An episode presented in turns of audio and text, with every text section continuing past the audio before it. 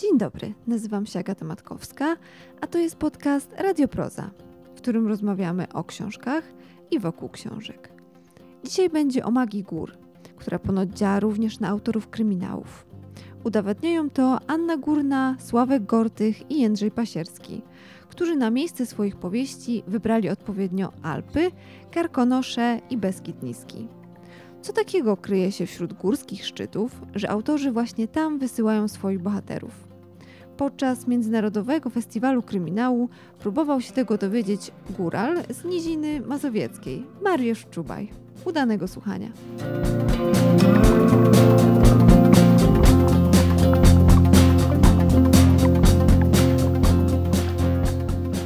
Halo, halo, halo. Dzień dobry Państwu, tym obecnym na sali, tym, którzy słuchają nas w sieci, bo wiem, że tacy są. Można zadawać pytania drogą elektroniczną tu do naszych gości. E, I być może niektóre z tych pytań zostaną nawet uwzględnione, a być może, a być może e, nie. No a przede wszystkim witam właśnie naszych gości, panią Annę Górną. Dzień, Dzień dobry. E, Sławomira lub Sławka. Sławka? Sławka. Dobrze. E, Sławka Gortycha, bardzo mi miło. Oraz Jędrzeja Pasierskiego. Dzień dobry. E, Chciałem też powiedzieć, usprawiedliwić swoją obecność w tym, e, w tym miejscu. Ja się nazywam Mariusz Czubaj, nie mam z górami nic wspólnego i to jest ta.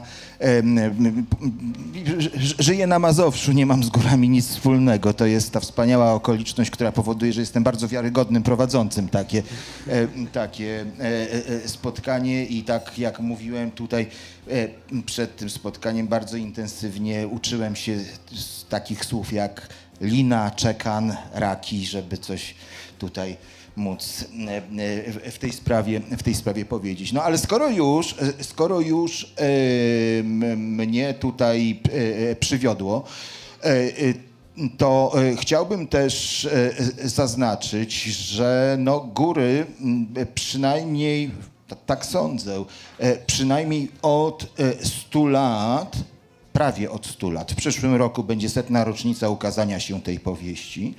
Mają taki chyba wzorzec, e, taką pewną matrycę mówienia e, e, o nich, która, jak sądzę, jest obecna w waszej, w waszej twórczości. Ta matryca sprowadza się do tego, że i tak to wygląda w tej powieści sprzed 100 lat, że główny bohater wsiada w pociąg, Jedzie, jedzie, jedzie coraz wyżej, zapomina o Bożym świecie. E, Tam wszystko się kończy, cała ta cywilizacja, z którą on był związany, się em, em, jakoś tam, wiecie, rozprasza. On miał przyjechać na krótki czas, na trzy tygodnie, odwiedzić swojego kuzyna w sanatorium w Davos.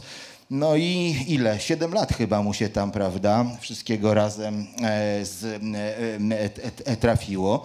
E, Mam oczywiście na myśli Hansa Kastorpa i Czarodziejską Górę. I to jest chyba taka powieść, w której, no wiadomo, to nie jest kryminał, ale to jest taka powieść, w której e, góry stanowią coś w rodzaju takiego mikroklimatu społecznego i właściwie czegoś na kształt mikrokosmosu, prawda? Czegoś takiego, co powoduje, że odcinamy się od jakiejś rzeczywistości i wchodzimy w zupełnie e, e, inny wymiar. I sądzę, że ta matryca jest w jakimś sensie do dziś obecna w literaturze, a przynajmniej tak odczytuję troszkę obecność e, w, w, znacznej mierze e, obecność e, gór e, w waszej, w waszej twórczości. No ale ja najpierw muszę,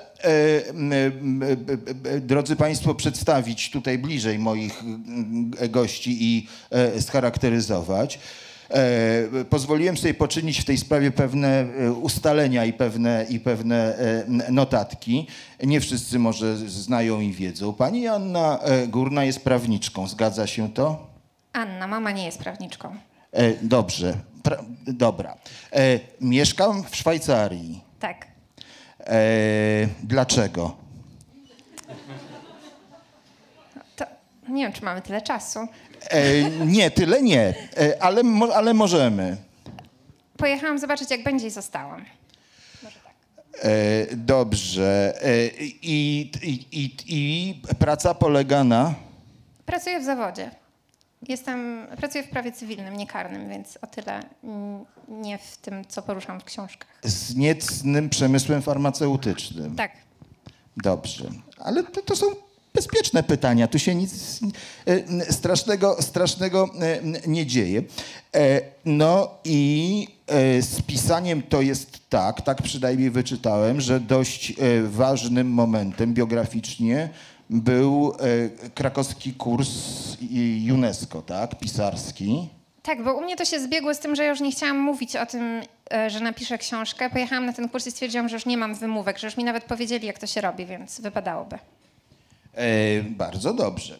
No i e, mamy e, dwie powieści, to znaczy Dolinę Ustraconych e, Złudzeń oraz e, k- e, e, Krainę Złotych Kłamstw. Zaraz porozmawiamy. Jedna z tych powieści jest bardzo związana z górami i porozmawiamy sobie troszkę o tych, o tych, o tych górach. Ale tutaj mamy również przedstawicieli, no bo rzecz dotyczy Alp, mamy przedstawicieli troszkę tych niższych obiektów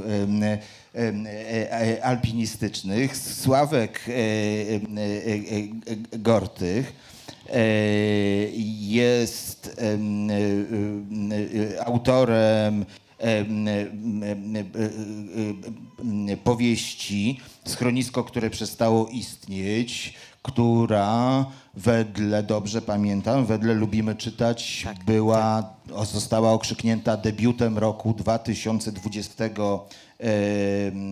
Drugiego. E, oraz powieść Schronisko, które przetrwało, prawda? I to są te rzeczy, które nas tutaj szczególnie, szczególnie interesują. E, ty jesteś e, stomatologiem. Dokładnie. E, proszę, No i właśnie to jest chyba pierwszy, śmieją, To jest pierwszy chyba, wszyscy się śmieją, nie? To jest chyba, ja nie wiem, co jest zabawnego, proszę No, w państwa. stomatologii. W stomato, stomato, to raczej jest pon, to raczej jest ponura e, em, e, historia. Czy jesteś praktykującym Tak, stomatologiem? tak. Tak, dzisiaj nawet właśnie zdążyłem po pracy się zdrzemnąć i tutaj przybiegłem do was. E, Czym się dzisiaj zajmowałeś? O, Jeżeli to nie jest tajemnica lekarska. właśnie ko- koleżanka lekarka, która ze mną dzisiaj była na dyżurze się uśmiecha i nie wiem, czy mamy opowiadać te wszystkie historie. E, Jakąś taką najbardziej brawurową, no. najbardziej Ja by- pytam o to nie bez powodu, ponieważ główny bohater e, Pierwszego Sławka, tomu. pierwszego tomu, z bliżej niejasnych powodów jest stomatologiem. No, bo to się czasami zdarza w życiu ludziom, że tak robią. E, te brawurowe historie, no to jest tak trudno opowiadać, e, bo, bo to są czasami historie takie z pogranicza e, e, horroru i, i, i, i- jednak komedii, ale ostatnio, ostatnio trafił do mnie pan, który, który zaczął w trakcie, znaczy zaczął w ogóle od wykładu na, na temat tego, że, że osiągnięcia medycyny to jest bójda i, i że muszę się z tym pogodzić. I to był tak już rozbudowany wykład, ja tak nie do końca wiedziałem, jak się mam w tym odnaleźć. I mówię, pan jest nauczycielem. A tak, tak sobie pomyślałem, bo to był taki ton wypowiedzi taki bardzo moralizatorski. On mówi, nie, elektrykiem. Ale ja pana, ja mówię, okej. Mówię, ale co, co pana do mnie sprowadza? No i on tłumaczy, że ma tam jakiś, e, jakiś problem z zębami, tam coś mu już powiedziało trzech stomatologów, że trzeba usunąć. Ja mówię, no zgadzam się. On mówi, nie, bo on wierzy w moc szafy manipulacyjnej. I ja tak miałem, co to jest ta, nie wiem, szafa manipulacyjna? On mówi, no, że to jest medycyna tam alternatywna, wschodnia, jest jakiś profesor tam King Jong jakiś, który to uprawia, on jeździ do niego na te kursy. I ja tak sobie zacząłem wyobrażać, że ta szafa właśnie to jest tak, że nastawiasz taki tryb leczenia, wiesz, na pokrętle, na przykład, nie wiem, wstaw implant, pacjent wchodzi do szafy, zamykasz szafę i wychodzi i on mówi, że on usunie tego zęba, ale pod warunkiem, że ja mu go oddam do woreczka i on pójdzie z tym zębem później do tej szafy i, i że on mi udowodni, że ten ząb na nowo tam zdrowy już się odrodzi w tej szafie. I wiecie, ja strasznie żałuję, że, że z tym panem dłużej nie porozmawiałem, bo pomyślałem, że później sobie sprawdzę w internecie, jak ta szafa wygląda. A słuchajcie, internet milczy. Jeżeli ktoś z was słyszał o szafie manipulacyjnej, wie jak to wygląda, jak to działa, to, to proszę mi później napisać, bo jestem autentycznie zafascynowany E, Być tematem. może, e, być może e, twój pacjent nas teraz słucha i ogląda i to by No było, właśnie. Tak, to by było też cenne, gdyby ewentualnie... Gdyby wyjaśnił mi, bo ja nie Wyjaśnił. zapytałem wtedy, jak działa ta szafa, bo sam bym chętnie, czasami sobie myślę, ktoś mnie zdenerwuje, myślę, wsadziłbym cię do takiej szafy manipulacyjnej, nastawił, nie wiem, tryb uśmiech i sympatia i wyjął z powrotem. E, No muszę powiedzieć, nie spodziewałem się, że, że stomatolodzy mają tyle przygód, a tu... Bardzo dużo, E, no. bo do stomatologa przychodzi też się porozmawiać wbrew pozorom. Chociaż wszyscy mówią, że u stomatologa się nie da rozmawiać, no to się da. I, e, i tak jak Marta Matyszczak na poprzednim spotkaniu, teraz tu słuchałem, opowiadała, e, że ona zapisuje myśli, e, to znaczy myśli bardziej, rozmowy ludzi, które słucha w tramwaju, w autobusach, w różnych miejscach i sobie je po cichu notuje. I ja tak mam właśnie czasami po pracy, bo usłyszy się takie niezwykłe historie, czasami totalnie oderwane od tego, z czym pacjent teoretycznie przychodzi. Myślę, nie no, to jest materiał do książki, albo to jest mój bohater na kolejny tom. No ja myślę, że to jest też tak, że prędzej czy później kiedyś e, na festiwalu kryminału zrobimy osobne spotkanie o stomatologii i e, wtedy, wtedy, wtedy rozwiniemy niektóre wątki, pozwól dobrze, które tutaj, które na pewno byłyby godne tego, tego wszystkiego. E, I jest z nami Jędrzej Pasierski, który nie jest stomatologiem, jest prawnikiem, ale nie praktykującym chyba, chyba, że mnie coś tutaj... Nie, nie, ja w przeciwieństwie do moich przedmówców w zasadzie e, porzucenie pracy to był taki punkt, od którego zacząłem... Jesteś e, zacząłem- bezrobotny, bo Tak. pisarz to jest nie, dobrze. znaczy nie jestem w tym sensie, że nigdy nie byłem na zasiłku. Po prostu, e, po prostu przyszedłem z- płynnie z rzucenia pracy prawnika na... i w tym momencie rozpocząłem działalność literacką. E, Jeśli chodzi o tę pracę uprawniczą, to o ile się orientuję, ona w znacznej mierze była związana z działalnością w organizacjach pozarządowych, prawda? Tak, tak, tak, dokładnie. E, I takich zajmujących się też Ochroną środowiska. ochroną Tak. środowiska, tak? No co też ma pewne, jak sądzę, odzwierciedlenie w, w, w twojej twórczości, tak? Można do, do pewnego No, stopnia. to już od dawna się przygotowałem do tego, żeby nie mieć pieniędzy w życiu. No więc, no więc właśnie. Jędrzej Pasierski jest szczęśliwym posiadaczem nagrody wielkiego e, kalibru, którą otrzymał, o ile pamiętam, w roku 2019. Yy, znaczy 20 za, za, 19. Rok 2000, Za rok Tak. 2019, czyli chyba za debiut, tak? Nie, E, nie, za, nie. e, za drugą wydaną Za książkę drugą. jeszcze otrzymałem, jestem takim chyba ewenementem, bo chyba jestem jedynym, który otrzymał to online. A, no, no właśnie, no właśnie. Tak, to- galę, Miałem galę w, w, w, e, na początku listopada i otrzymałem, emocje były bardzo, to też były bardzo silne emocje, ale otrzymałem online. No więc dobrze, słuchajcie, mamy tutaj e, trzy żywioły e, górskie, chyba troszkę odmienne. Alpy berneńskie, dobrze mówię? Dobrze mówię. Mamy Karkonosze i mamy Beskid, tak naj, naj, naj, naj, naj, naj, najprościej, e, e, e, e, e, e, mówiąc. Ja bym was poprosił, żebyście powiedzieli mi... E, dobra, zacznijmy od łatwiejszej może rzeczy, to znaczy dlaczego? Dlaczego postanowiliście napisać, piszecie o takich, wybraliście taki bios, prawda? E, I taką, taką scederię do, do, do swojej, e, do swojej e, twórczości. A potem was poproszę, albo możecie to zrobić równolegle, o coś w rodzaju takiej charakterystyki ducha góry, jeśli można powiedzieć, tak? To znaczy, co to waszym zdaniem je, jest? Co, co wyróżnia to, to, to, to miejsce, czy, czy, czy te, mie, te, to, te, te, te. Tak dla was, jakbyście mieli tak, wiecie, tak się jakoś no, bardzo z siebie tutaj to, to, to wy, wy, e, wyprowadzić. E, Wiem przynajmniej w dwóch przypadkach, że to są kwestie dość mocno osadzone biograficznie. E, W trzecim przypadku nie jestem pewien, czy to są kwestie osadzone biograficznie, czy po prostu z pewnych względów tak została wybrana lokacja do tej, do tej, do tej powieści. To teraz, żeby było oryginalnie, zaczniemy od tamtej strony, dobrze?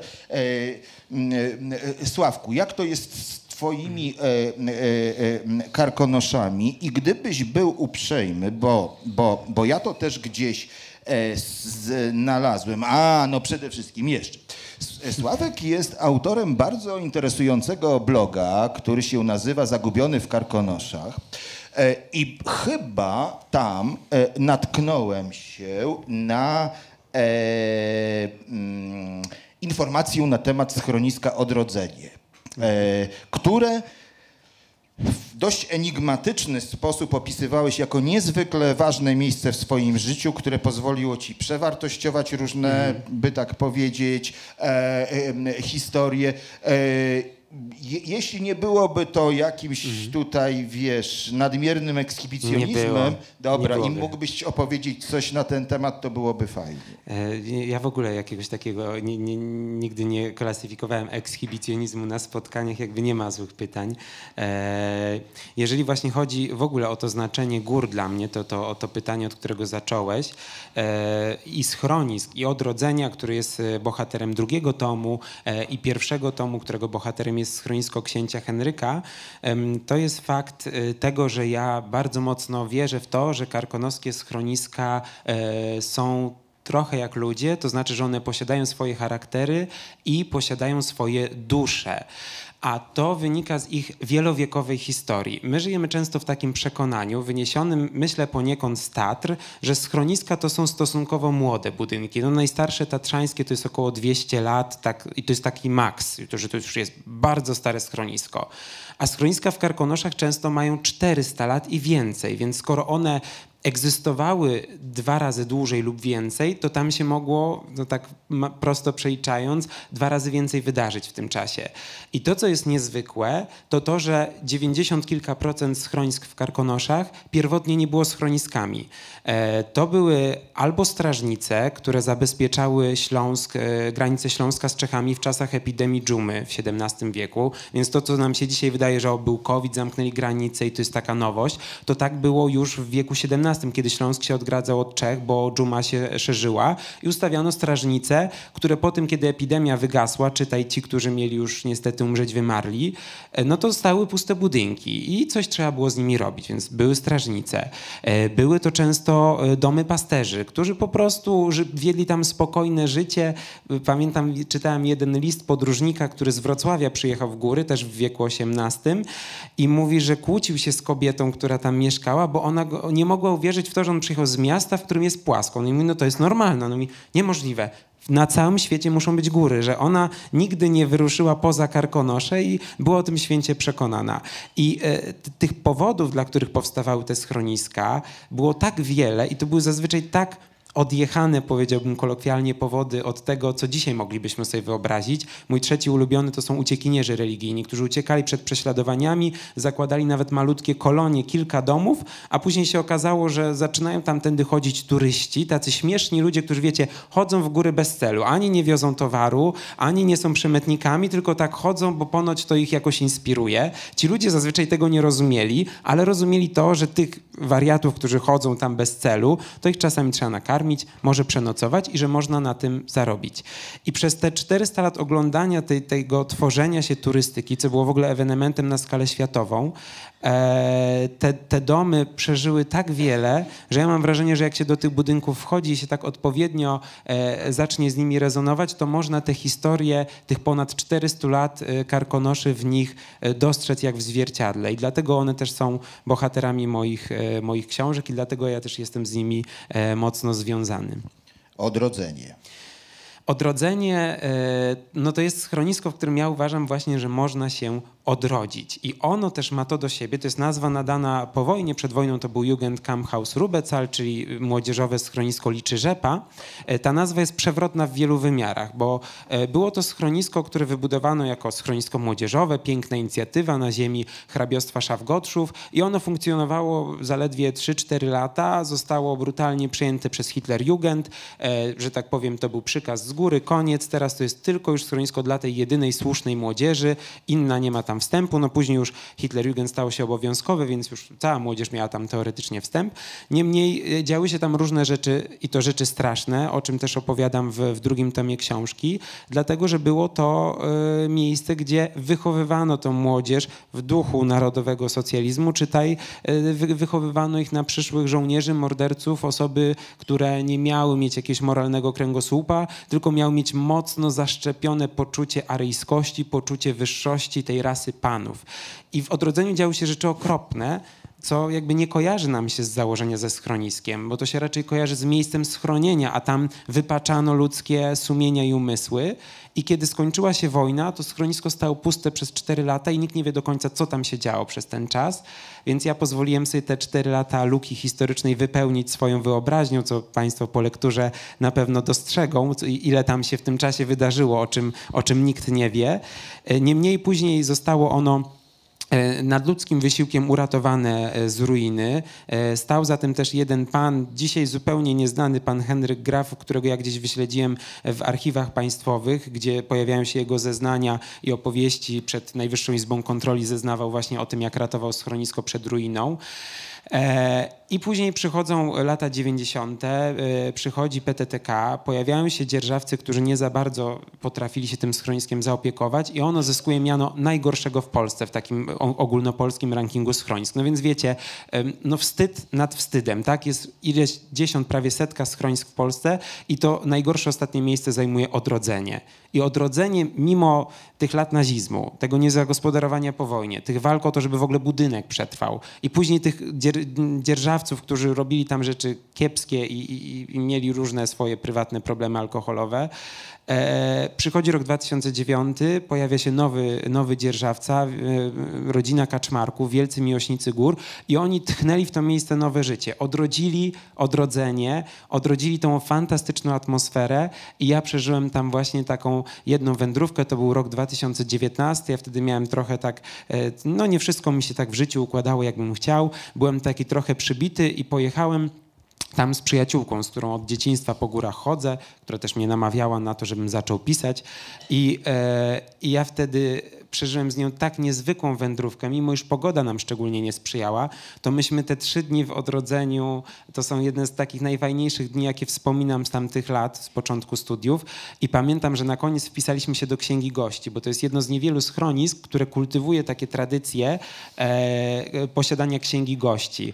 E, to dzisiaj w ogóle zanikło i to jest strasznie smutne, bo na przykład schronisko Strzecha Akademicka kultywowało tą tradycję od 1620 któregoś roku i te księgi gości się zachowały w archiwach Uniwersytetu Wrocławskiego. Nie wszystkie. I słuchajcie, to nie jest tak, że wy sobie wyobrażacie, że księga gości sprzed 400 lat wygląda inaczej niż, niż dzisiejsza. Tam też są rysunki, bazgroły, przekleństwa, wierszyki, rymowanki, wszystko. No i myśmy wzięli taką współczesną księgę. Mówię, Julia, napiszmy coś fajnego w tej książce, w tej księdze. A on mówi, to napiszmy, dziękujemy za odrodzenie w odrodzeniu. No i tak napisaliśmy i zarezerwowaliśmy sobie kawałek miejsca na tej stronie, że jak będziemy tam wracać w kolejnych latach, to będziemy się dopisywać, że dalej żyjemy i jest fajnie. No i tak robimy. Czyli wracacie? Wracamy, tak. Odradzać się co roku w odrodzeniu. Doskonale. E, Jędrzeju, e, ty i Beskidy. Tak, już trochę odpłynąłem, bo to jest Sławek w Cykarkonosze i ale, to, ale, to, ale to, to, to raczej tak iluminacyjnie odpłynąłeś. Nie, no zacząłem tak myśleć o tym, co, co, co, co jest. E, Mariusz prosił, żeby osobiście, tak? No więc rzeczywiście moja historia z Beskidem Niskim jest bardzo osobista, bo ja trochę tak jak Mariusz, tak naprawdę z pochodzenia jestem góralem nizinnym, e, bo też jestem e, warsz warszawiakiem tak naprawdę z pochodzenia, z każdej strony. Natomiast po prostu e, od urodzenia najpierw od, praktycznie ze względu na pewne wybory moich rodziców, e, od czwartego roku życia mniej więcej do 15-16 spędziłem 7-8 lat w Beskidzie Niskim, e, mieszkając tam, chodząc do szkół. Naliczyłem kiedyś, że chodziłem do chyba pięciu szkół w Beskidzie Niskim, mieszkając w jakichś czterech miejscowościach, w sześciu różnych domach. E, także tak naprawdę Beskid, wychowałem się w Beskidzie Niskim w takim samym mierze jak w Warszawie, a nawet bardziej po prostu, no tak się, tak się potoczyło, potoczyło moje życie od urodzenia. E, więc rzeczywiście, kiedy e, w zasadzie nie od początku, bo moim debiutem był Dom bez klamek, ale kiedy mm, już myślałem w ogóle o pisaniu, to ten scenariusz Beskidzki był w zasadzie już na tapecie. E, to były roztopy w takiej swojej jeszcze bardziej pierwotnej formie. Gdzieś tam się też inspirowałem prawdziwą historią, która się wydarzyła właśnie na, na, przełęczy, na przełęczy na Magórze Małostowskiej. Ona jest tak, e, roztopy są luźne, inspirowane taką historią, która właśnie mnie e, gdzieś tam fascynowała przez kilka lat. E, I zrobiłem to jako taki swoisty eksperyment, dlatego że mm, po pierwsze, tak jak mówię, Beskid jest mi bardzo bliski. Mm, chyba jest to najbliższe mi miejsce na świecie, tak naprawdę. W tych lasach. Po prostu spędziłem dzieciństwo nad tymi strumieniami, chodząc do szkoły po 5, 6, 7 kilometrów po lasach, więc po prostu ja się tam wychowałem. E, po drugie, również wśród Łemków, tak? Najpierw wśród tych starych Łemków, później wśród Łemków, moich kolegów z klasy, e, którzy czasami mi teraz doradzają w jakimś tam zakresie, jako eksper eksperci. Więc to jest dru druga rzecz. E, I, mm, I po prostu a trzecia rzecz jest taka, że najlepiej jest pisać na, ten, na temat tego, na, na jak, z czego się ma dużo wiedzy, tak? taką, a, taką wiedzę osobistą, nie wyczytaną, tylko taką po prostu przeżytą. No i ja to miałem z Beskidem Niskim, e, tak przynajmniej tak przypuszczałem, więc zrobiłem taki eksperyment tak naprawdę e, z roztopami. Zobaczyłem jak to wyjdzie. Pomyślałem, że Beskid Niski nie, nie jest tak spektakularny. Przed tym panelem e, tak sobie myślałem, że właśnie właściwie to Beskid Niski w porównaniu do Altu tak jak taka górka szczęśliwicka trochę, nie? Bardziej jakieś takie wzgórze beskidzkie, tak? Lackowa, najwyższa góra, 800 ileś metrów, a tu Mont Blanc. jest tak za bardzo z, czym do ludzi. E, ale właśnie ja lubię to w Beskidzie, że Beskid to nie są takie góry, łyse góry, to są tam żywiołem, głównym żywiołem w Beskidzie jest las. Moim głównym żywiołem jest las. Las, jak wchodzisz nawet na, na, na zdobywasz Górę Beskidzką, to dalej jesteś w lesie, tak? Więc jakby ten las jest tam absolutnie dominujący. Las tajemniczy, mroczny, to co właśnie mówiłeś, ten, ten duch gór, prawda? No to wydaje mi się, że on tam się przejawia w lesie. Ja to najbardziej tak czuję, tak? Więc E, oczywiście tereny są bardzo opustoszałe, dlatego że jak Państwo wiecie, Łemkowie opuścili, doszło do wtórnej, doszło do powrotu Łemków e, e w latach 60., a teraz, to jest moja prywatna obserwacja, dochodzi do m, mm, powtórnego wymiera, e, opuszczania, wymierania Łemków.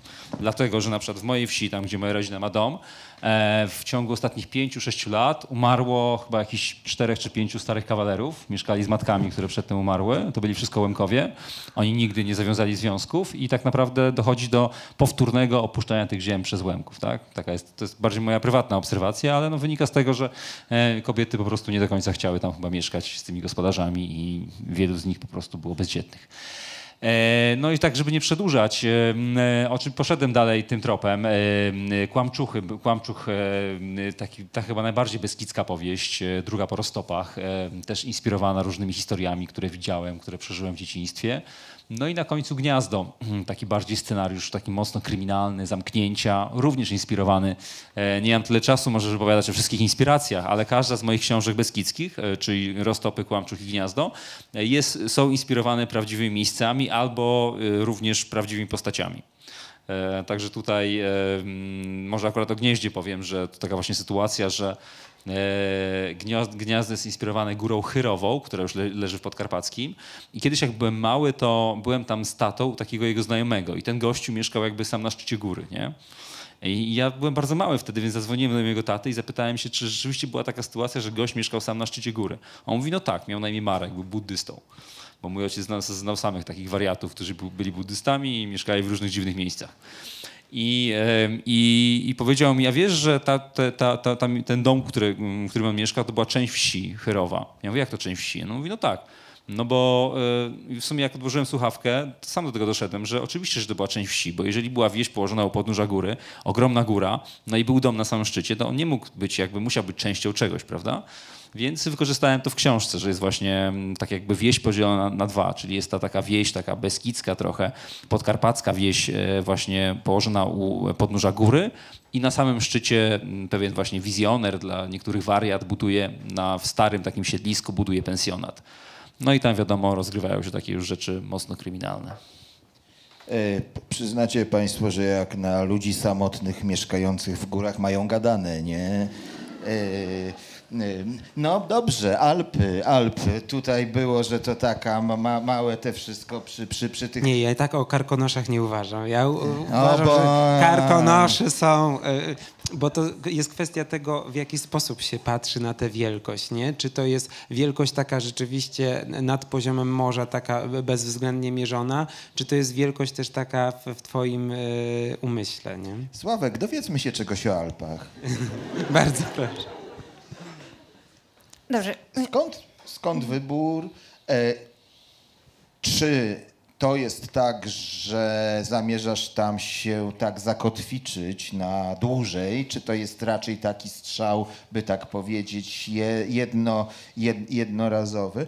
No i, i, i, i, i e, e, czy jest coś szczególnego, co cię No bo rozumiem, że tu jednak jakiś, jakaś obserwacja własna, prawda, e, e, jest dość ważnym, e, dość ważnym źródłem inspiracji. Czy ciebie samą coś szczególnie poruszyło?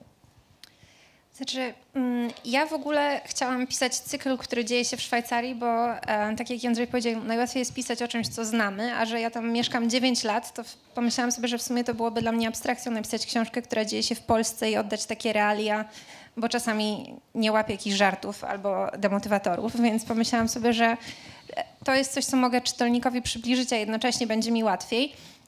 I pierwsza moja książka, Kraina Złotych Kłamstw, dzieje się w Zurichu, w którym wiele lat mieszkałam, więc research był żaden. Wiedziałam, który bohater weźmie tramwaj, wiedziałam, gdzie będą szukać zwłok, jakby to były wszystkie miejsca, które znam na wylot. E, Ale nie chciałam pisać wiecznie tej samej książki, ja chciałam użyć tych samych bohaterów i jakby górska sceneria nasunęła mi się naturalnie, e, chcąc pisać o książce osadzonej w Szwajcarii. I teraz sobie troszeczkę utrudniłam zadanie, bo em, wykorzystałam faktyczną geograficzną lokalizację. To są, jeśli Państwo tam poczytają opisy gór, które faktycznie, e, faktycznie można schodzić. E, Alpy Berneńskie, okolice Grindenwaldu, e, Lauterbrunnen. Lauterbrunnen jest tak piękne, że przyznam szczerze, że właśnie spacer kiedyś tam jeszcze na długo, zanim się wzięłam za pisanie, stwierdziłam, że kurczę, tutaj by się mogła e, dziać jakaś akcja filmu albo powieści. I wróciłam do tego, właśnie wróciłam do tej okolicy, natomiast jakby też osadzenie książki w tej lokalizacji wynikało z fabuły, bo dla mnie fabuła jest pierwsza. Chciałam napisać dosyć intymną historię, gdzie ludzie wszyscy się znają, E, ale też jak poruszyłeś wcześniej Davos, to jest troszeczkę miasteczko inspirowane Davos, bo mm, to nie jest jakby, to jest miejsce żyjące z turystyki, ale też gdzie odbywa się w mojej głowie przynajmniej, ni- e, w moim Niederwalden e, forum ekologiczne, e, czyli miejsce, gdzie świat patrzy, kiedy zjeżdżają się głowy państw. Więc jeśli tam ktoś nagle rozrzuca trupy po górach, robi się nieciekawie i mogą odwołać tą imprezę, więc narasta napięcie. I też przyznam szczerze, że jakby mm, chciałam napisać historię kryminalną nie z perspektywy Wydziału Kryminalnego, który ma kompetencje rozwiązywać tę sprawę. I umiejscowienie tego w, w mieście, które mm, jakby musiałoby mierzyć się z tymi wszystkimi konsekwencjami, bo tam jedną z głównych bohaterek jest komendantka lokalnego posterunku. To jest osoba, do której wszyscy przychodzą ze swoimi żalami, ale ona tak naprawdę nie może zrobić nic, bo nie rozwiązuje tej sprawy, więc jakby to wszystko się złożyło dlaczego. Ale jeśli mam tutaj wrzucić e, coś, co mnie poruszyło, to na pewno research do tej książki, bo jedną z bohaterek jest e, alpinistka. Ja sama mam ogromny podziw dla takich ludzi, dlatego że nie jestem bardzo odważna. Zaczęłam chodzić po górach e, przez mojego partnera, który jest zapalonym wspinaczem i ogromnie mi pomógł tutaj posprawdzać te wszystkie lokalizacje i złaziliśmy, wsadziliśmy naszą dwuletnią wówczas córkę w plecak. Ludzie się dziwili, że tam, e, że tam jeszcze wchodzimy, ale e, że tak powiem, te miejsca wszystkie są schodzone i sprawdzone. E, Natomiast inspiracją e, też dla tej postaci e, znanej alpinistki to jest, niektórzy w ogóle stwierdzili, że ona istnieje, ją googlowali, byli rozczarowani, ale była poniekąd Elizabeth Revol i jej historia. I ja sobie naprawdę rzadko mi się zdarza, bo ja w ogóle się rzadko wzruszam, a płakałam jak bubr na tej książce i pomyślałam sobie, jak to jest nam łatwo oceniać coś z daleka. Ona musiała zejść, żeby siebie ratować. My możemy tylko przyglądać się temu z boku, ale myślę, że to jest ogromna samotność, ogromna odpowiedzialność i czasem ta osoba, która przeżyje, ma naprawdę bardzo trudne życie. Dlatego jakby splotłam te wszystkie wątki e, w tej książce i myślę, że to się mogło wydarzyć jakby tylko tam. No, tam dochodzą rozmaite inne historie dotyczące podważania tego, czy ona weszła, prawda, czy nie weszła. Roz, je- jeszcze, prawda, jest wiele innych, e, wiele innych e, e, tutaj akcentów takich. O ile do, dobrze kojarzę, że to jest również Alpy Berneńskie, to jest Eiger również, prawda? Tak. E, No właśnie, czyli, czyli jeden z takich no, probierzy, można powiedzieć, alpinizmu, chyba ta, ta północna ściana Eigeru, prawda, która uchodzi za taką ekstremalnie, e, ekstremalnie trudną e, i po prostu pokonanie tej ściany, no to już jest taka klasa mistrzowska, tak? To już jest taki moment, kiedy jesteś kimś zwyczajnie w, w, tym, w, Ta, tym ta środowisku. ściana tak zasłużyła sobie na miano Mordwand Mhm. od tego, ile osób tam zginęło. Tak, i, i to też jest kwestia tego, że właśnie em, to miasteczko jest położone w takim miejscu. Mi się zawsze kojarzyły góry z przestrzenią, z takiego po, poczucia ma, bycia małym człowiekiem przy ogromie tej przestrzeni przy, przy nas, a jak się pojedzie tam pod tą ścianę, to miasteczko, faktycznie właśnie Grindelwald, e, to ma się poczucie strasznej klaustrofobii, bo ono nawet przysłania, jest tak, jest tak bardzo położone w cieniu, zależnie też na którą dnia, e, porę dnia patrzymy. I to było dla mnie też ciekawe, żeby oddać tą hermetyczność tej społeczności. E, No właśnie, prawda? To jest też taki bardzo charakterystyczny motyw takiej, takiej endemicznej wspólnoty, prawda? Jakiegoś takiego domknięcia, zamknięcia, e, które, e, które tam e, e, e, e, e, e, panuje. E, Sławku, i- i ch- chciałem cię zapytać o książkę dość zaskakującą, e, bo e, widziałem, że byłeś pytany o różne książki, które dla, na tobie zrobiły tam, prawda, bardzo dla, dla ciebie są niesłychanie, niesłychanie e, istotne. No i wiadomo, ludzie to się na ogół napinają w takich tam sytuacjach, tam, tam, tam różnych tych ul- Ulisesów jakichś tam innych e, szukają. A ty wybrałeś autorkę, o której ja nigdy nie słyszałem, jo, e, Jolantę Kaletę, tak. em, i jej książkę Rizę, czyli tam, gdzie, chyba taki jest podtytuł, tam, gdzie Tak. śmierć ma sowie oczy, e, traktującą o górach, o górach sowi, Sowi, prawda? Dlaczego?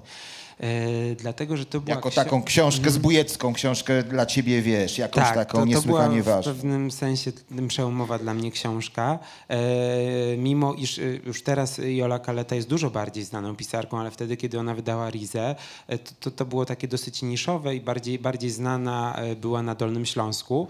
Ja na jej książkę Trafiłem przez zupełny przypadek. E, Wracałem, e, wracałem gdzieś z zajęć, przechodziłem koło księgarni, był plakat, a że ja e, reklamujący właśnie Rizę, tam gdzie śmierć ma sobie oczy, a że ja bardzo interesowałem się górami sowimi jako takimi i uważam, że są to jedne z takich najbardziej mrocznych gór Dolnego Śląska ze względu na swoją też tą nazistowską przeszłość. E, I zajrzałem do tej księgarni, kupiłem, przeczytałem. E, No i to, to, to była książka, która e, po- powaliła mnie na łopatki.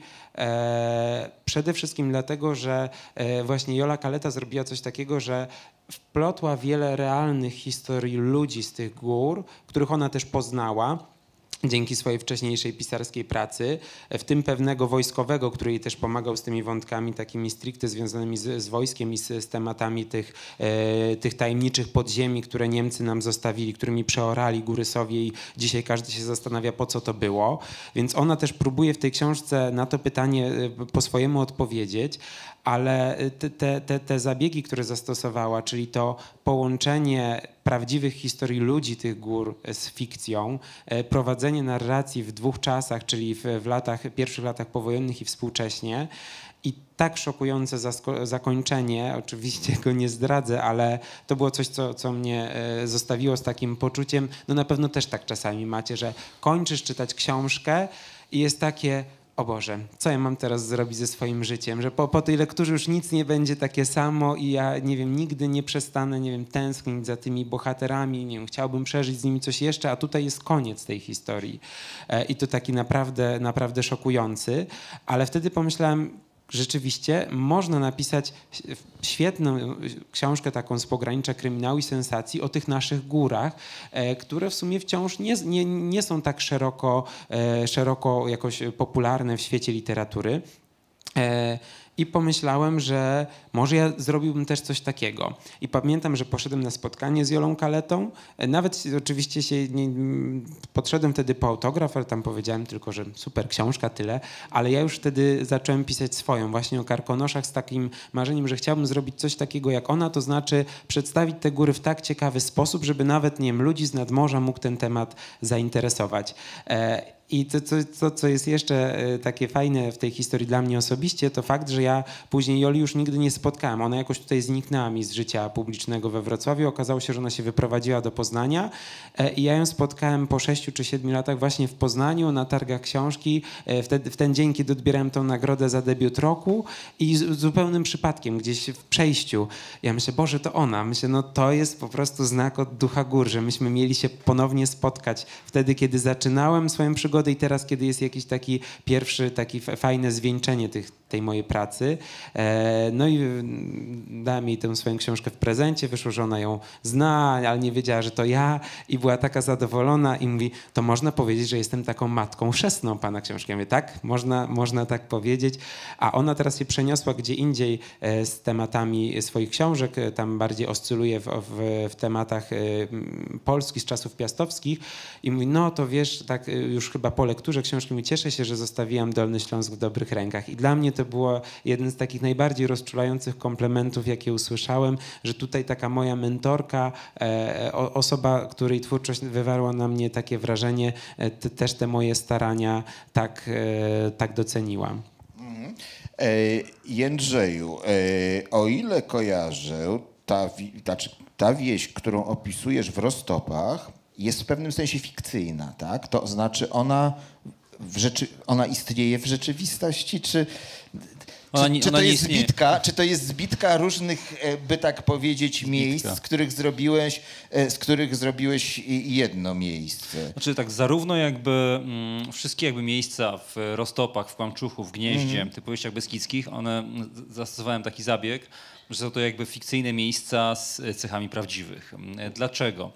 E, Dlatego, że jeżeli na przykład zaczynam, zaczynam prowadzić fabułę i ta fabuła na przykład to jest e, historia umiejscowiona w Beskidzie, ale na przykład potrzeba mi takiego miejsca fabularnie, i takiego miejsca i takiego, to wolę stworzyć coś fikcyjnego niż przekłamywać prawdziwą miejscowość, tak? Czyli na przykład przychodzi mi do głowy na przykład w Kłamczuchu dla tych z Państwa, którzy czytali, tam miejscowość Pyrowa ma cechy dwóch wsi, Regetowa i Gładyżowa, tak? To można się połapać, jak ktoś zna Beskidziński, e, ale po prostu za- zarówno potrzeba było mi elementów z tego i tego. E, więc, e, więc robię to, żeby mieć taką swobodę twórczą, natomiast tych miejsc fikcyjnych na tej mapie Beskidu mojej literackiej jest zwykle około może 10%. Dlatego, że wierzę w to, że powieści muszą być mocno osadzone w realiach, żeby były po prostu ciekawe, e, żeby można było uwierzyć w tę historię. E, I właśnie wr- wracając do Rostopów, tak, e, znaczy to jest tak, że w Beskidach mówią, w Nowicy, jest taka wieś Nowica, dosyć znana, mówią, że to jest o nich, tak. E, Natomiast oczywiście te e, Bukowce w Rostopach to nie jest Nowica, to jest to dużo mniejsza wioska, może taka troszeczkę inspirowana właśnie miejscami, w których ja żyłem, czyli też w takimi, bo Nowica to jest taka duża wieś artystyczna z wieloma pensjonatami i tak dalej, natomiast te Bukowce to jest zaledwie e, wioska składająca się z pięciu domów, czyli są takie wioski, w których ja się w dużej mierze wychowywałem. E, Skoro mówisz o realiach, to wyjaśnijmy może Państwu, nie wszyscy może wiedzą, co to jest kropka. No to jest takie, znaczy jednym słowem to jest świństwo. Ale to nie znaczy świństwo, to mówię takie moje wrażenia. Tak naprawdę jest to, jest to napój, e, eter tak naprawdę, który Łemkowie piją. Ja oczywiście też piłem, dlatego że, y, dlatego, że nauczył mnie tego pić y, y, mój przyjaciel świętej pamięci, pisarz zresztą łemkowskiego pochodzenia Mirosław Nachacz, a którego nauczyła z kolei pić babcia. I to też, żeby tak było jasne, tak? Ja byłem w stanie pić jeden kieliszek, Mirek no może tak z pięć, a jego babcia to całą butelkę, tak? Więc taka, taka, była, taka była gradacja, e, bo rzeczywiście to trudno się, trudno się to pije, powiem szczerze, jak człowiek, nie, może babcia pewnie przywykła od urodzenia, to, to jakoś się do tego przy... przy Bardzo, bardzo sprytne, bardzo łatwo zwalić wszystko na babcie jest. zawsze taki. przystosowywała. Nie, bo e, dla takiego e, bardziej, że tak powiem, e, mniej zahartowanego podniebienia, to po prostu jest tak, że to się, to tak jakby olej silnikowy jakby się piło, nie? To jest takie wrażenie. Więc ja rzeczywiście, natomiast no piłem tą kropkę, no bo jak Mirek pił, to ja też piłem, bo byliśmy tam właśnie nierozłączni w tym Beskidzie w, w ciągu kilku lat. E, i, I tak się bujaliśmy właśnie, bo rozbijaliśmy się po watrze i tak dalej. To jeszcze powiedzmy, bo to było dla mnie dość takie wstrząsające odkrycie, co to, i nie, nie znałem tej historii, potem sobie do, do, do, doczytałem, co to był centralny obóz pracy w Jaworznie. Co to było za miejsce? No taki trochę jakby obóz koncentracyjny, prawda? Coś takiego, tylko że dla Łemków.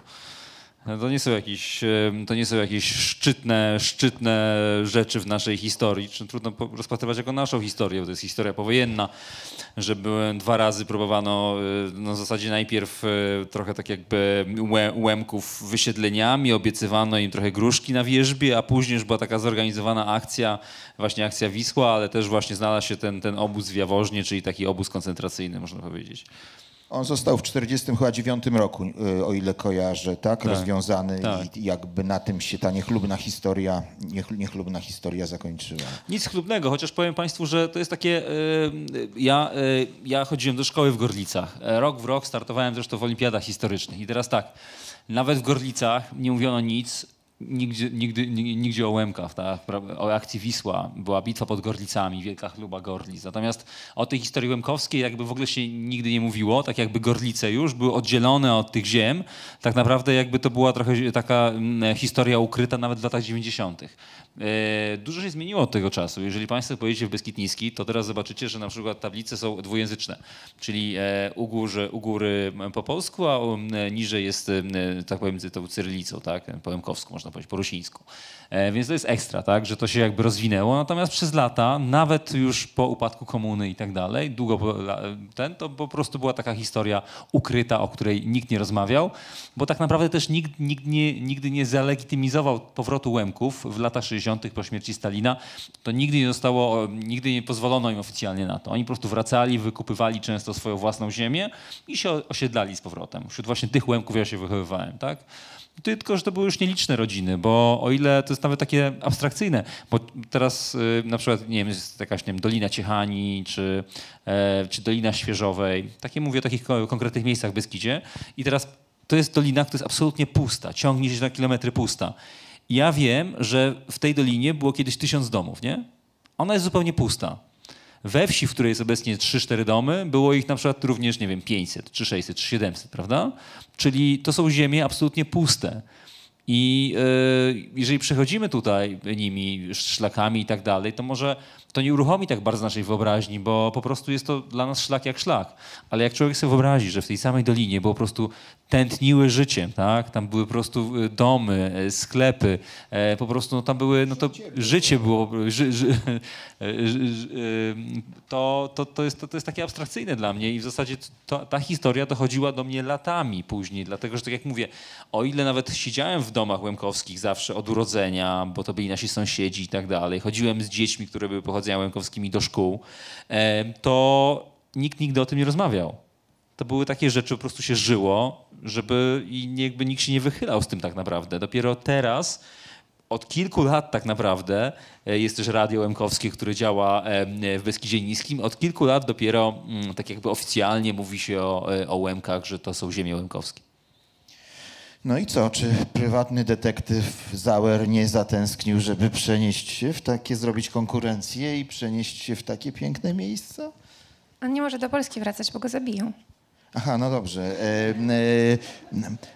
No ale w góry to to właśnie, to takie miejsce, ukryć się można. Czy on ma nie, pozałatwiane sprawy we Wrocławiu, bo jest z Wrocławia, więc ja nie wykluczam, że któryś ton zabierze mnie z powrotem tutaj, bo mam też ogromny sentyment. E, ale tak, to na razie zostawiam go w Szwajcarii. I, i, I gdzie teraz będzie? Bo Teraz- pewnie piszesz coś kolejnego. Znaczy, wczoraj skończyłam sobie trzecią O książkę, Jezu. która nie jest z tego cyklu. E, pokłóciłam się o coś osobnego, natomiast e, myślę, że Sauer dalej zajmie się rozwiązywaniem em, sprawy związanej z fałszerstwem dzieł sztuki. Bo chciałabym, szczerze mówiąc, w każdym tomie e, poruszyć coś innego i zabrać czytelnika w inny rejon w Szwajcarii.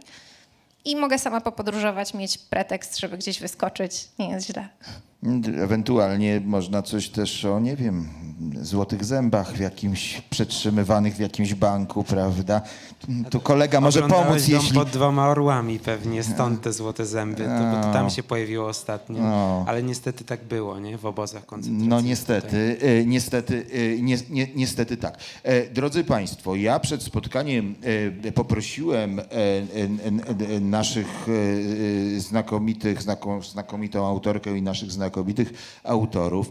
E, e, o rzecz straszną, mianowicie, żeby e, wybrali krótkie fragmenty ze swoich książek, w których mamy pokazane piękno gór, żeby je nam odczytali, ewentualnie e, poprzedzając e, e, albo puentując jakimś, e, e, jakimś e, e, komentarzem.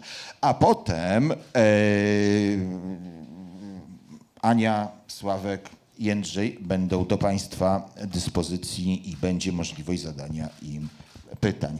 Jędrzej, Ty nie zaczynałeś rundki żadnej, przeczytaj proszę. Śmieszne, bo jestem jedyny, który się nie przygotował do tego. No ale tobie to, zna, to, to zajmie prawdopodobnie 4 sekundy. Zgodnie z moją metodą e, szczytywania tekstu po wielokroć powinienem wiedzieć. E, To był trzeci rozdział. Chwileczkę, sekunda. Znajdę tylko trzeci rozdział. Dobra. Okej, a to będą aż dwa akapity, dobra? Y, Z Żeby- żeby miało sens, Z żeby miało sens. Nina minęła siary. Wjazd do Starego Pałacu, gdzie ponoć urzędował niegdyś legendarny przemysłowiec o nazwisku Długosz. Jeden z wybitnych reprezentantów mitu od pucybuta do milionera. Pracą żenił się w szacowną rodzinę, a potem wbudował tajemniczy dwór, najpiękniejszy w całej okolicy. Jechała jeszcze kilkaset metrów dalej, aż dotarła do Sękowej, a tam do drogi odbijającej w prawo. Tutaj wyraźnie zarysowywała się różnica. Rozpoczynały się góry. Jasne, że gorlice też były w górach, ale zaczynała dostrzegać również bariery między miastem a resztą regionu. Także mentalną, na podstawie drobnych uwag. I miała wrażenie, że gorliczanie żyją nieco inną historią niż beskidzkie wsie. Bitwo pod Gorlicami, Łukasiewiczem, ropą i petrochemią, zakładami przemysłowymi. Z żywotną tkanką miejską, szeregiem prominentnych postaci wydawały się leżeć w połowie drogi między górami a Krakowem. Jadąc zaś na Słowację, zanurzyła się w inny świat. Bukowców, Pyrowej, zagubionych, często opustoszałych wiosek łemkowskich oraz, zdający się górować nad wszystkim, Magury Małastowskiej. Tyle. W zasadzie to zilustrowałem to, co mówiłem wcześniej. No to ch- chyba jest dość wiarygodny, proszę Państwa. Wszystko na to, wszystko na to wskazuje. Sławku? Już się robi. O proszę, tutaj przygotowany człowiek, Tak, od ja razu widać, że zaznaczone Eee, było. E, tak. Rozejrzała się wokół z dziwnym uczuciem niepokoju. Zmierzchało, a zielony szlak jak zwykle był pusty. Ludzie omijali przecież umarły las, bo wędrówka nim nie przynosiła tego, co zazwyczaj dają ludziom góry, czyli ukojenia. Wręcz przeciwnie. Przejście tym szlakiem przygnębiało, bo krajobraz sprawiał wrażenie jak po przejściu apokalipsy. Usiadła na zwolonym pniu pod jednym z martwych, suchych drzew. Zamknęła oczy, a spod powiek pociekło jej kilka łez, które silny wiatr błyskawicznie wysuszył. W pewnym momencie odniosła wrażenie, że uschnięte drzewa zaczynają się przemieszczać. Trzeszcząc złowieszczo, przybliżały się do niej, otaczając ją coraz ciaśniejszym kręgiem. Chciała zerwać się i pobiec do schroniska, ale czuła się zbyt wyczerpana. Z niemym przerażeniem obserwowała ruchy martwych pni. E, To jest e, fragment opowiadający, taki może mało, mało sympatyczny, bo są też takie opisy e, i majestatu gór, i piękna, i takich e, bardzo, znaczy starałem się, żeby w tej powieści ta przyroda była opisana w taki sposób, żeby też wpasowywała się jakoś w klimat wydarzeń danego dnia, e, czy, czy w klimat nastroju bohatera. Więc tutaj to jest taki bardzo trudny moment dla bohaterki, kiedy ona wraca z bardzo, e, bardzo niewygodnej rozmowy, gdzie została bardzo mocno obrażona przez pewnego człowieka, ona, jej rodzina e, i idzie szlakiem zielonym. To jest rzeczywiście najkrótszy szlak z Karpacza do jej schroniska, do odrodzenia i to jest szlak, przy którym właśnie jest ten tak zwany martwy las. Takich lasów jest w Karkonoszach więcej.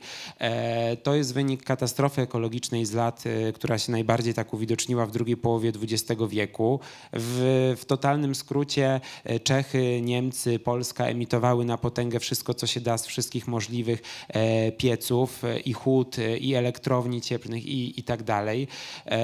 Tych ton tlenków siarki, które spadły na tę ziemię dzisiaj trudno liczyć, niemniej to są, to są setki tysięcy hektarów lasów zniszczonych i można to zobaczyć w górach do dzisiaj. Ja pamiętam, jak przyszedłem tam jako dziecko e, pierwszy raz do jednego z takich lasów, bo ich jeszcze kilka zostało, mimo wielu starań leśników, żeby to e, na nowo e, przywrócić jakoś tą bioróżnorodność, że ja byłem zszokowany. Słuchajcie, idziecie lasem i wszystkie drzewa są suche. To wygląda naprawdę jak krajobraz z apokalipsy. Wygląda to niezwykle upiornie i pamiętam, że szedłem z koleżanką i ona mówi, słuchaj, boję się. Ja mówię, czego? No mi te drzewa mnie po prostu niepokoją, bo to nie powinno tak wyglądać. I rzeczywiście ten szlak zielony robi takie e, upiorne wrażenie, a E, Ja też staram się dążyć e, do tego właśnie, to o czym też Jędrzej fajnie powiedział, że ta, ta powieść staje się bardziej wiarygodna, kiedy, kiedy ty przedstawisz to miejsce takim, jakie ono jest. Ja się wczoraj prze, przek- przekonałem, to będzie ostatnie zdanie i po- powiedzmy, że jakaś forma puenty. E, Przeraziłem się, jak bardzo niektóre elementy stały się wiarygodne, bo e, wczoraj podano już ostateczną informację o odnalezieniu e, ciała turystki, która spadła w przepaść wielkiego śnieżnego kotła w trakcie robienia zdjęcia. E, Tak jak e, jeden z głównych bohaterów na samym początku pierwszego tomu, on, on spada w tej przepaści też podczas robienia zdjęcia E, i, i tak jak niektórzy mówili, a to tak trochę tam przegiąłeś, że ludzie nie są tacy nieodpowiedzialni, no ale niestety e, tacy są. I to była taka myśl, którą gdzieś tu chciałem też ukuć, że e, w tych górach się czasami wydarza więcej niż moglibyśmy sobie wyobrazić. Aniu. Przejechał nad malowniczym jeziorem Brienne, z którego turkusowa tafla wody wydawała się wręcz nienaturalna, do samego Interlaken, a potem odbił na południe w kierunku ośnieżonych czterotysięczników, gdzie mieściło się Niederwalden. W dwie i pół godziny od wyjazdu z Zurychu niemal dotarł do celu. Niederwalden wyglądało jak każde alpejskie miasteczko. Drewniane domy na wysokich kamiennych podmurówkach, tradycyjne zielone okiennice, dopieszczone kwietniki z czerwonymi i różowymi pelargoniami. Na co drugim budyneczku powiewała szwajcarska flaga. W samym centrum główna ulica, przy której e, stoi stacja kolejowa, kilka restauracji, sklepy z odzieżą górską i kawiarnie. Dla zachowania równowagi reprezentacja obu monopolistów po jednym supermarkecie Coop i Migros, dalej na wzniesieniu jeden skromny kościół i cmentarz. Zanim Sauer się obejrzał, miasteczko się kończyło. Zgodnie ze wskazówkami z GPS zjechał z głównej drogi i skręcił w prawo. Minął stację kolejki górskiej podobne do siebie domki. Na końcu drogi, już na skraju wioski, znajdował się hotel Sternen Resort Spa. Właśnie dojeżdżamy do zleceniodawcy Sauera i zaczyna się akcja. E, A tak e, z ciekawostek, to ja mam taki zachwyt Szwajcarią, e, a z drugiej strony nie lubię opisów jak w Nadniemnem, że to jest bardzo ciężko wypośrodkować. E, Niektórym jest za mało, niektórym jest za dużo. Ostatnio miałam spotkanie w Szwajcarii organizowane przez ambasadę. E, I zaskoczyła mnie jedna pani i zrobiło mi się tak ciepło na sercu, bo ona powiedziała, że ona tak kocha te wszystkie smaczki. Ona sobie później chodzi na spacery.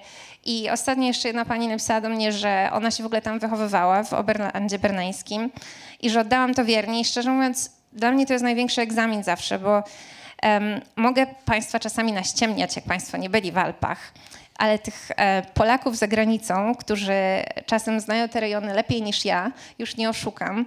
E, Więc tym bardziej przy tej drugiej książce, gdzie musiałam pisać o miejscach, których nie znam i po części wpleść to fikcyjne miasteczko, które właśnie nie mogłam sprawdzić na mapie. I wbrew pozorom to jest trudniej, jak nie można sprawdzić na mapie, tylko trzeba jakoś połączyć samemu te punkty, zwłaszcza, że moja orientacja w terenie, przyznam Państwu, nie jest najlepsza.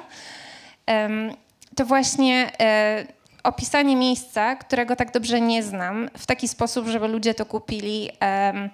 Mam nadzieję, że, że to Państwa przekona, ale ja sama e, z, z tego powodu e, bardzo jakby jestem zadowolona z tej książki, że udało się to osiągnąć. I to jest moment, kiedy możecie Państwo zadać kilka pytań.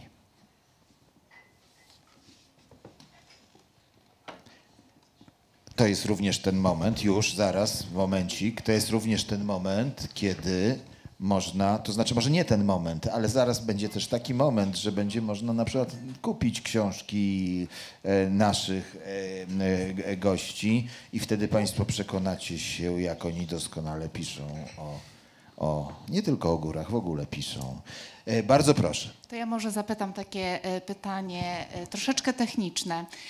Dzisiaj na wcześniejszym spotkaniu prowadzonym z panem Maciejem Siembiedą usłyszałam takie słowa, które mi tak głęboko zapadły do serca, że są takie, do niego przychodzą historie, on tych historii nie szuka. I zaciekawiło mnie to, jak jest to w waszym przypadku. Czy tak bywa? Skąd czerpiecie inspirację? Kto ma odpowiedzieć jako pierwszy? E, Zostawiam wam wybór, proszę. To może... Nie chciałem być uprzejmy, a nie zrzucający. Tak wyszło? Mogę już na klatę, ale chciałem... Dobrze, Ani, no, tak. do mnie najczęściej przychodzą e, historie pod prysznicem, albo na przykład jak szoruję wannę. Zauważyłam, że ja nie mogę mieć pani sprzątającej, bo e, najlepsze po prostu czym bardziej jest to manualna czynność i taka troszeczkę e, no właśnie nie zajmująca umysłu, tym lepiej. E, wbrew pozorom, bo czasami ludzie się pytają, czy te pomysły to się tak nie kończą. Ja mam ten problem, że mi czasu brakuje, żeby je spisać, e, ale faktem jest, że jakby trudnością tego procesu, wydaje mi się, jest osadzenie tej historii właśnie we właściwym miejscu e, i wybranie bohaterów, którzy najlepiej oddadzą to może, bo to czasem się zaczyna od emocji, czasami to jest historia jakaś jednej osoby, natomiast żeby z tego była powieść, to wydaje mi się, że, że potrzeba tak naprawdę czasu i, i też pomaga mi czytanie dużo wokół tego tematu. Tak jak w przypadku tej książki e, posiłkowałam się reportażami. Specjalnie nie czytałam powieści osadzonych w górach, bo nie chciałam, że tak powiem, się za bardzo czymś zasugerować. Natomiast autentyczne historie tutaj były wielką inspiracją. Sławku. E, W moim przypadku je- jest tak właśnie, jak pani powiedziała, to znaczy te historie bardziej mnie znajdują, albo ja je spotykam przez zupełny przypadek. I to, co zauważyłem, e, bo, bo, bo większość póki co obie książki są tak e, skonstruowane, że jest to fabuła oparta na prawdziwych wydarzeniach, które ja odpowiednio sobie splatam i jakby staram się upleść fabułę e, z różnych historii zasłyszanych. E, I przy pierwszej książce to był zupełny przypadek, to, było, to była wędrówka pewnym szlakiem w Karkonoszach, w okolicach właśnie spalonego schroniska księcia Henryka. E, ja przeszedłem koło niego, nawet do dzisiaj mam do siebie żal, że nie mam zdjęcia z tego miejsca, z tej wyprawy, bo minąłem te ruiny z taką myślą, o ruiny, dobra, idę dalej. Ale później gdzieś mi chodziło to po głowie, że jest takie miejsce w górach, że tam coś było, tego nie ma, ciekawe dlaczego. I, i, i w pewnym momencie człowiek się zaczyna tak nakręcać, czytać, szukać i kiedy już się dowiedziałem, że schronisko spłonęło w niewyjaśnionych okolicznościach i zaginął ostatni właściciel i dwaj synowie e, te, tego właściciela, no to już wiedziałem, że, że t- tu trzeba iść w tę stronę. Więc to było tak, że to, to ja teoretycznie poszedłem w to miejsce, ale zupełnie nieświadomie, nie szukając tego. E, I tak samo e, będzie z trzecią książką, e, tą, nad którą teraz pracuję, której akcja będzie się toczyła w schronisku Strzecha Akademicka, że po jednym ze spotkań autorskich w Jeleniogórskim Liceum ja już się spieszyłem, bo miałem jeszcze coś bardzo ważnego do załatwienia tego dnia, jeszcze, znaczy miałem wędrówkę w, po górach i chciałem zdążyć przed zmierzchem dotrzeć do schroniska. Plombę. Nie, plomby tego dnia nie miałem. I właśnie myślę, dobra, ja już chcę iść, a ono coś znowu zaczyna mi opowiadać. I mówi, pani Sławko, ja mam taką historię, to będzie materiał na książkę. Ja myślę, mm, no na pewno. No i ona zaczyna opowiadać, ja tak posłuchałem, po, podziękowałem grzecznie i wiecie, co dopiero w tych górach. Tak myślę jeszcze raz o tym, co ta kobieta mi opowiedziała i myślę, Boże, przecież to jest rzeczywiście materiał na książkę. To jest historia autentyczna, e, taka nigdzie nie opisywana w literaturze, bo to jest historia pewnej rodziny z Jeleniej Góry, taka, którą gdzieś tam w jeleniogórskich kręgach się zna, którą ta dyrektorka poznała od poprzedniej dyrektorki. I ja myślę, no nie, no to nie mógł być przypadek. Wydaje mi się, że ja trochę przemawiam z innego punktu widzenia, bo e, Sławek i Ania mają po dwie książki wydane, a ja mam w zasadzie osiem. E, O tyle jest różnica mm, osiem kryminalnych, że na początku tej historii rzeczywiście lawinowo przychodzą do ciebie, a później trochę zaczą, musisz zacząć ich szukać, tak? To znaczy, że wciąż masz te pomysły różne, ja mam tych pomysłów, motywów zanotowanych 30-40, ale większy wysiłek autor musi e, wkładać w to mówię oczywiście o, sobie, żeby po prostu gdzieś tam, e, bo na przykład te historie, czy na pewno są takie historie, które są, nadają się na książkę, tak? Więc jakby trzeba, byłoby idealnie, gdybym tylko po prostu siedział na przykład właśnie w wannie pod prysznicem i te historie by tylko na mnie spływały i spływały. Ale, ale w praktyce, tak jak mówię z kolejnymi książkami, bo tak naprawdę czasami mówię na spotkaniach coś takiego, że uważam, że każdy człowiek, każdy, tak jak tu siedzimy wszyscy, ma w sobie co najmniej dwie książki. Okay? Do napisania. I to są takie książki, które każdy jest w stanie napisać ze swoich osobistych doświadczeń po prostu na raz, nie? Tak naprawdę, jak zacznie pisać. Ja też tak trochę miałem. Ale później już, jeżeli się bardziej takim zawodowym twórcą e, jeszcze mm, tak naprawdę chce się robić takie właśnie, tak jak mówię, w różnych miejscach, różnych sceneriach i tak dalej, żeby rozmaicać też ten, ten swój plener liter- literacki, no to tro, trochę to trzeba też wkładać taką, można powiedzieć, czynną pracę w, w układanie tych historii. Ja ci powiem, że mamy inną wodę w Szwajcarii.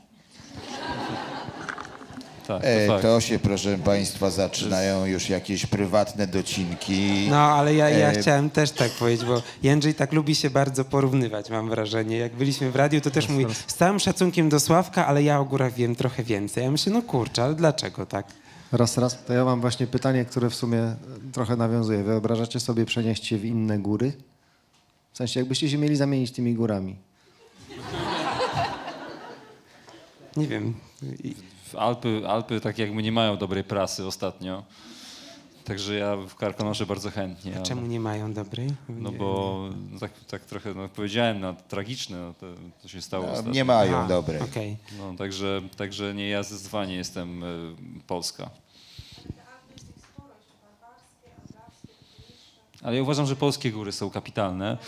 Yy, I w ogóle jestem fanem polskich krajobrazów. Uważam, że Polska ma ogromny potencjał też kryminalno-literacki. Jeszcze, jeszcze, nie, jeszcze, nie, jeszcze już jest eksploatowany, ale jeszcze na pewno nie jest wyeksploatowany do cna.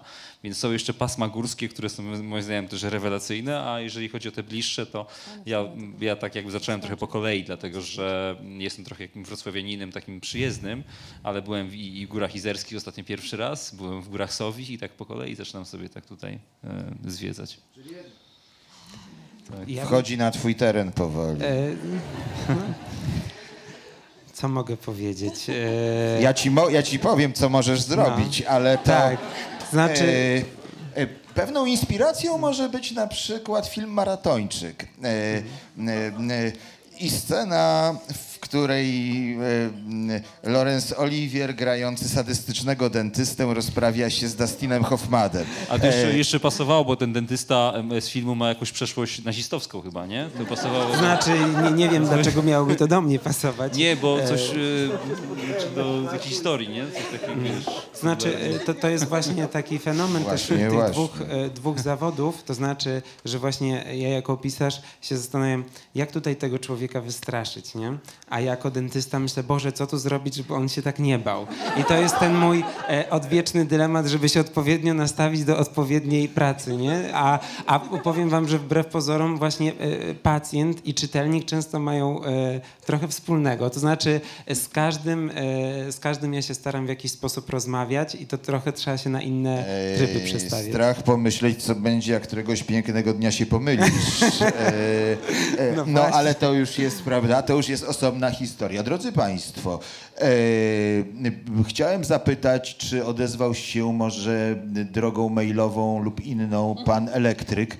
E, e, I Właśnie, od szafa manipulacyjna. o, I czy, czy, czy ewentualnie kwestia szafy działa? manipulacyjnej została, została w pytaniach ta, tam rozstrzygnięta? Nie widzę, nie on słyszę, już, więc on, chyba... on już szykuje taką szafę dla Sławka. No właśnie, No albo, właśnie, albo więc- akurat jest w trakcie sesji. w No właśnie, więc chyba, więc chyba nie. E, drodzy Państwo, e, myślę, że to jest dobry czas i moment, e, żeby e, reszta e, odbyła się w bardziej spontanicznych i nieoficjalnych warunkach. Ja bardzo dziękuję za to, żeście Dziękuję bardzo. byli e, z nami. Anna Górna, Sławek Gordych, Jędrzej Pasierski.